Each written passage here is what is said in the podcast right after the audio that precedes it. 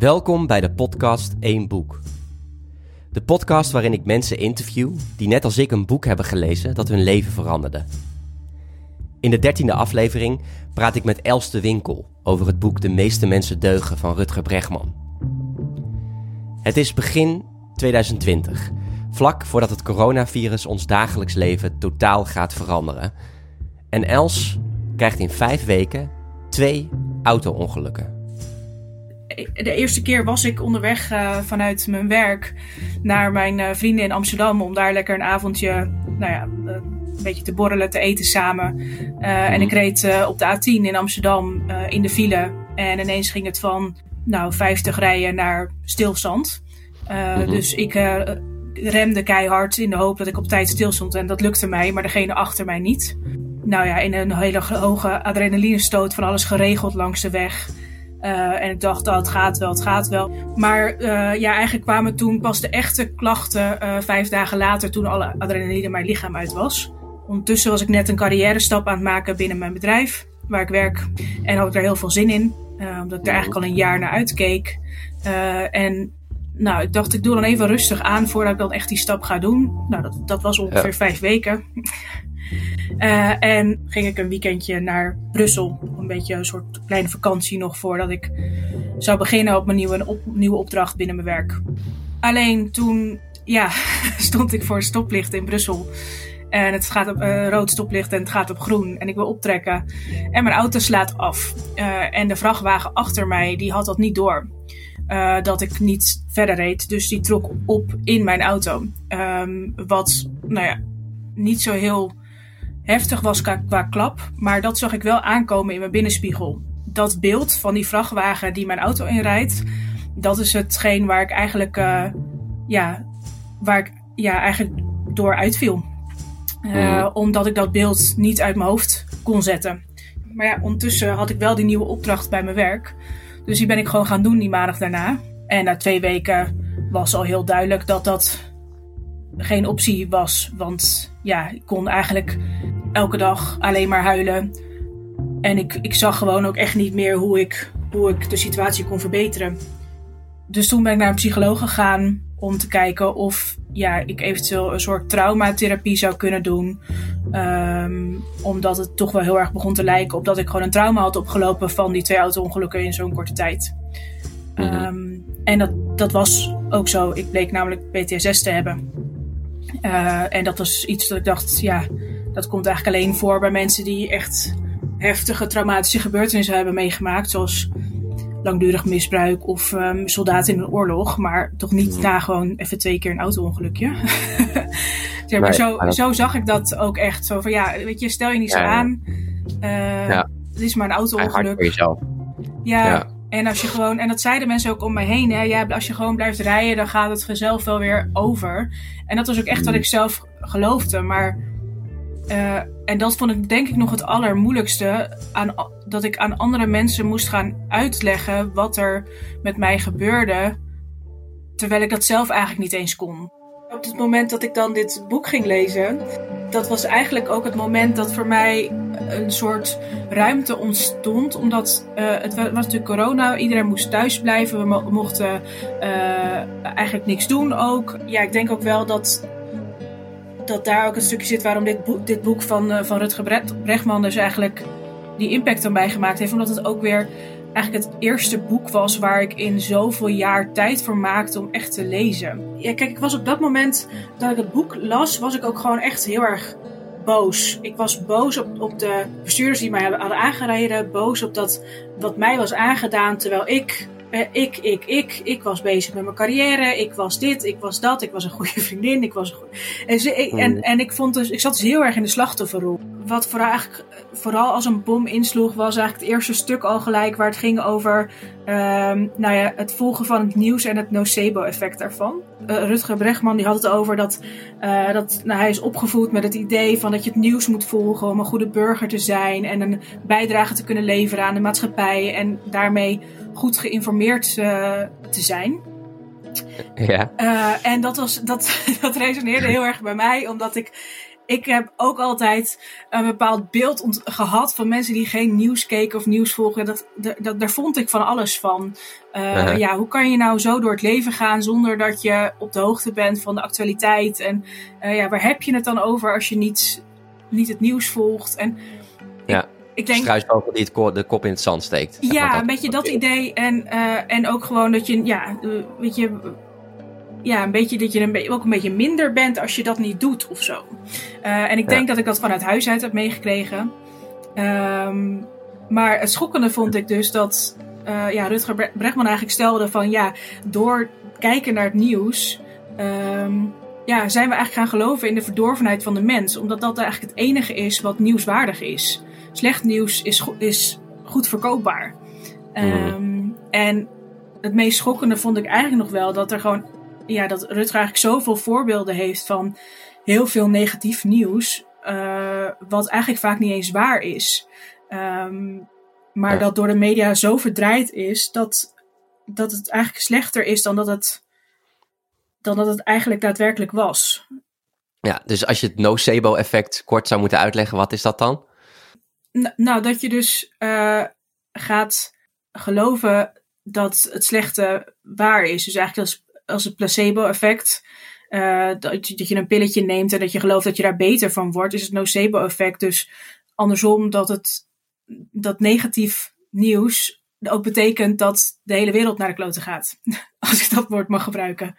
Ja, precies. Ja. Um, en nou ja, daarin noemde dan ook de, de, de, eigenlijk de negativity bias. Uh, waar, wat eigenlijk een soort, ja, misschien een soort foutje in de mens is. Dat uh, ja, slechte dingen eigenlijk uh, heftiger worden ervaren dan goede dingen. Dus je weet veel, veel, je onthoudt veel meer de slechte dingen die je overkomen dan de goede dingen die je, die je uh, overkomen. En mm. dat geeft in het kader van het nieuws dan gewoon echt ja, het gevoel dat je niks kunt bijdragen aan die samenleving op het moment dat ja, alles zo uitvergroot is, zo negatief is. En, um, en je dus ook het gevoel krijgt dat gewoon uh, ja, alles verdorven is en dat het allemaal geen zin meer heeft om daar iets, uh, iets aan te doen. Wat, wat er eigenlijk in mij veranderde was dat er gewoon echt een wereld voor, voor mij open ging. Dat ik dacht, oh, dit is ook een hele andere manier nu om weer naar de mensheid te kijken. Uh, dus ik, mhm. ik stopte eigenlijk in eerste instantie gelijk met nieuws kijken. Uh, dat ging namelijk toch alleen maar over dat negatieve gedoe rondom corona, waar ik zelf um, ja, geen invloed op had. Of waar ik zelf eigenlijk niet per se mee moest, want ik zat toch thuis. Mm -hmm. um, en dat gaf echt zo'n rust. Uh, want normaal keek ik gewoon drie keer per dag nieuws. Dat is, als ik dat nu denk, drie keer per dag, waarom eigenlijk? Uh, weet je, s ochtends bij mijn ontbijt, s middags bij de lunch en s'avonds bij het eten of voor het naar bed gaan ook nog even. En waar ehm, keek je dan naar? Ja, ik uh, keek dan vaak naar het NOS-journaal en ik had ook wel, ik las ook wel vaak de Volkskrant. En ik had natuurlijk op zo'n app op mijn telefoon staan. Verder had ik van eigenlijk niks mijn notificaties aanstaan, maar van het nieuws vond ik dat ik dat belangrijk genoeg was om daar gelijk van op de hoogte te zijn. Um, dus ik heb dat gewoon allemaal van mijn telefoon afgegooid. En uh, ja, weet je, alle, ja, het viel me eigenlijk op dat je, ja, je mist helemaal niks. Je, um, als er echt iets is wat je dringend moet weten, dan hoor je dat wel via iemand anders. Um, mm-hmm. uh, maar meestal is het toch niet van toepassing direct op jouw eigen leven. Uh, en je houdt gewoon veel meer tijd over. Ja. Want ja, eventjes naar, naar de headlines kijken. Ja, je bent zo uh, een kwartier, half uur verder. Uh, ja. Dus ik had nu gewoon veel meer tijd om me eigenlijk te verdiepen in de goede aspecten van de mens, waar ik steeds meer van overtuigd raakte. En ging dus eigenlijk steeds meer boeken lezen met een positieve benadering van het leven in plaats van negatief nieuws kijken. Kijk, het, het lezen van het, van het boek en de andere boeken die daarna volgden en het werken aan mijn PTSS en, en die rijangst, dat zorgde eigenlijk ook gewoon voor dat ik een vriendelijker mens ben geworden naar mezelf, maar ook naar anderen toe. Uh, en uh, omdat ik eigenlijk nu ook een beetje heb geaccepteerd dat al het negatieve dat we denken dat waar is over een mens waarschijnlijk onjuist is. Of misschien in ieder geval niet zo stellig is als dat het ooit is gepresenteerd. Ja. En daarnaast ook dat vriendelijkheid echt ook besmettelijk werkt. Dus op het moment dat ik zelf vriendelijker ben naar anderen toe, dat anderen ook vriendelijker naar mij zijn gewoon de Els na het boek, die heeft gewoon gezien dat er een hele andere wereld bestaat dan dat wat je, wat je gewend bent. Kijk, vroeger dacht ik gewoon dat, uh, dat wat ik vanuit huis had meegekregen, dat dat de wereld was. Of, dus dat dat de manier was hoe je in het leven moest staan. Maar dat is natuurlijk, dat is uiteindelijk helemaal niet zo. Iedereen kan op zijn manier zijn leven invullen ehm, zonder dat een ander daar per se wat van moet vinden. Mhm. Ehm, maar dat had ik eigenlijk nooit zo bedacht. Dus ik, wat ik sinds, sinds het boek steeds meer ben gaan doen, is inderdaad nadenken: oké, maar wat vind ik dan belangrijk in mijn leven? En hoe wil ik graag naar het mens kijken? En, hoe, um, uh, en waar wil ik me dan voor inzetten? Uh, en dat heeft best wel veel gepotst met uh, wat ik vanuit huis meekreeg. Dus ik kwam wel echt een soort in een. Ja, een soort identiteitscrisis terecht. Van oké, alles wat ik de afgelopen 27 jaar heb gedaan, dat past niet meer bij mij. Um, en mhm. past ook niet meer helemaal bij het, bij het gezin waar ik oorspronkelijk uitkom. Dus, uh, en dat, dat is best wel lastig. En inmiddels heb ik daar um, um, een bepaalde vrede mee, omdat ik, omdat ik mezelf het gun dat ik gewoon mijn leven mag leiden. uh, maar in het begin was dat best wel moeilijk. Dat je op merkt op, op, um, uh, nou, op bijvoorbeeld de verjaardag dat je, dat je ineens hele andere thema's. Um, ja, of heel anders aankijkt naar thema's waarin je vroeger als, als gezin er hetzelfde over dacht. Um, ik was in juni um, uh, was ik jarig en toen kwam mijn uh, familie kwam bij mij op bezoek. En ik heb mezelf het afgelopen jaar heel erg verdiept in het veganistisch eten. Um, uh, maar ook dus in meer in compassie, in, in nou ja, een iets rooskleuriger beeld over, over de mensheid. En op dat moment in juni was ook net die protesten rondom Black Lives Matter aan de gang. En op mijn verjaardag had ik dus, op mijn 27e verjaardag, had ik dus um, uh, precies die gesprekken met mijn um, familie of het gezin waar ik uitkom over uh, dit soort thema's zoals vega veganisme, Black Lives Matter. En toen merkte ik dat het zo erg botste van waar ik dus oorspronkelijk vandaan kwam en hoe ik daar zelf nu mijn eigen weg in had gevonden het was corona, iedereen was meer thuis, dus had ook meer tijd om te koken. Dus ik dacht, nou, dit is nou het juiste moment om uh, te gaan kijken of ik mijn recepten uh, kan um, veganizen. Om het zo maar even te zeggen. Uh, mm-hmm. Dus ik had daar een aantal maanden op geoefend. En toen dacht ik, nou, het is mijn verjaardag, dus laten we. Um, ja, ik ga mijn kookkunsten delen. En uh, waarschijnlijk vinden ze het dan super lekker. En denken ze ook wel iets positiever over uh, veganisme en, uh, en plantaardig eten. Mm-hmm. Um, maar dat was misschien nog even een, even een stapje te ver. Uh, kijk, het was uh, hartstikke lekker eten en ze vonden het ook lekker, maar het was natuurlijk nog wel steeds vegan. Dus dat was nog steeds wel een beetje iets wat niet helemaal ja, de norm was. Dus daar moest dan wat van gezegd worden. Uh, waarop ik dus nou ja, een beetje teleurgesteld was. Want ik had de hele dag in de keuken gestaan om allemaal lekkere vegan hapjes te maken, taart en dat soort dingen. en dan volgens ja, een beetje belachelijk te worden gemaakt. En ik denk dat dat ook wel een beetje het punt is geweest dat ik ook wel merkte van oké, ik mag uh, ook iets meer opkomen voor dat wat mij belangrijk is. En dat het gewoon eigenlijk gewoon ook helemaal niet gepast is om op zo'n moment dat iemand lekker gekookt heeft, dat soort dingen te gaan zeggen. En dat dat iets is wat um, ja, bij mijn zus en mijn moeder misschien hoort. En waar ik mezelf dan niet zo heel erg veel van zou moeten aantrekken. Nee, precies. Maar wat op dat moment natuurlijk wel een beetje pijn deed, omdat ik hoopte dat ze daar uh, nou ja, net zo enthousiast over zouden zijn als ik. Uh, en dat was in het begin moeilijk, want je gaat heel erg. Um, je gaat je ook een beetje verzetten tegen die verandering. Want ja, je wilt het nog wel gewoon gezellig kunnen hebben met je, met je familie. Um, uh, je wilt ook nog gewoon een gezellige verjaardag kunnen hebben. Maar toch vind je ook die thema's heel erg belangrijk. Uh, en inmiddels heb ik steeds meer ja, ja, ik denk ook echt wel door dit boek ingezien dat, oké, zij hebben een ander mensbeeld, uh, maar zij hebben niet, zien niet per se het slechtste in van de mens.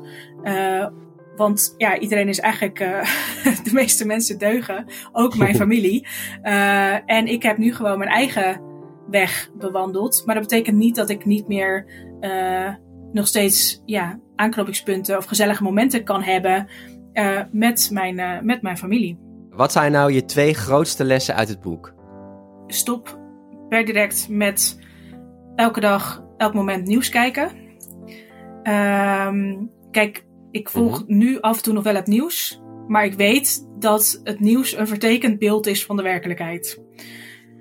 Eh, op het moment dat je dat beseft, um, gaat er een hele wereld voor je open. Het, het tweede les is denk ik wel um, dat empathie een heel mooi gegeven is van de mens. Um, maar dat het belangrijker is om je compassie te trainen. En met compassie gaat het echt om dat je gewoon iedereen uh, het beste gunt. Uh, maar dat je niet altijd hoeft te voelen wat de ander voelt, want daarmee put je jezelf uit. Um, dus ga gewoon uit van het goede in de mens en gun iedereen het beste in, van, de, van de hele wereld. Uh, en ga ondertussen door met, uh, met zelf het beste doen voor jezelf. Um, dus ga goede daden verrichten en vertel dat je goede dingen aan het doen bent. Um, en spreek ook uit dat je wil dat iedereen het, uh, het beste bereikt. Um, zonder te vergeten dat er ook wel echt ernstige situaties in de wereld gaande zijn. Els, bedankt voor je verhaal. Heb jij nou ook zo'n verhaal zoals Els met een boek dat je op het juiste moment las en je leven veranderde? En lijkt het je leuk om dat in deze podcast te vertellen? Ga naar growthinkers.nl/slash een boek en vul de survey in. Bedankt voor het luisteren en tot de volgende aflevering van 1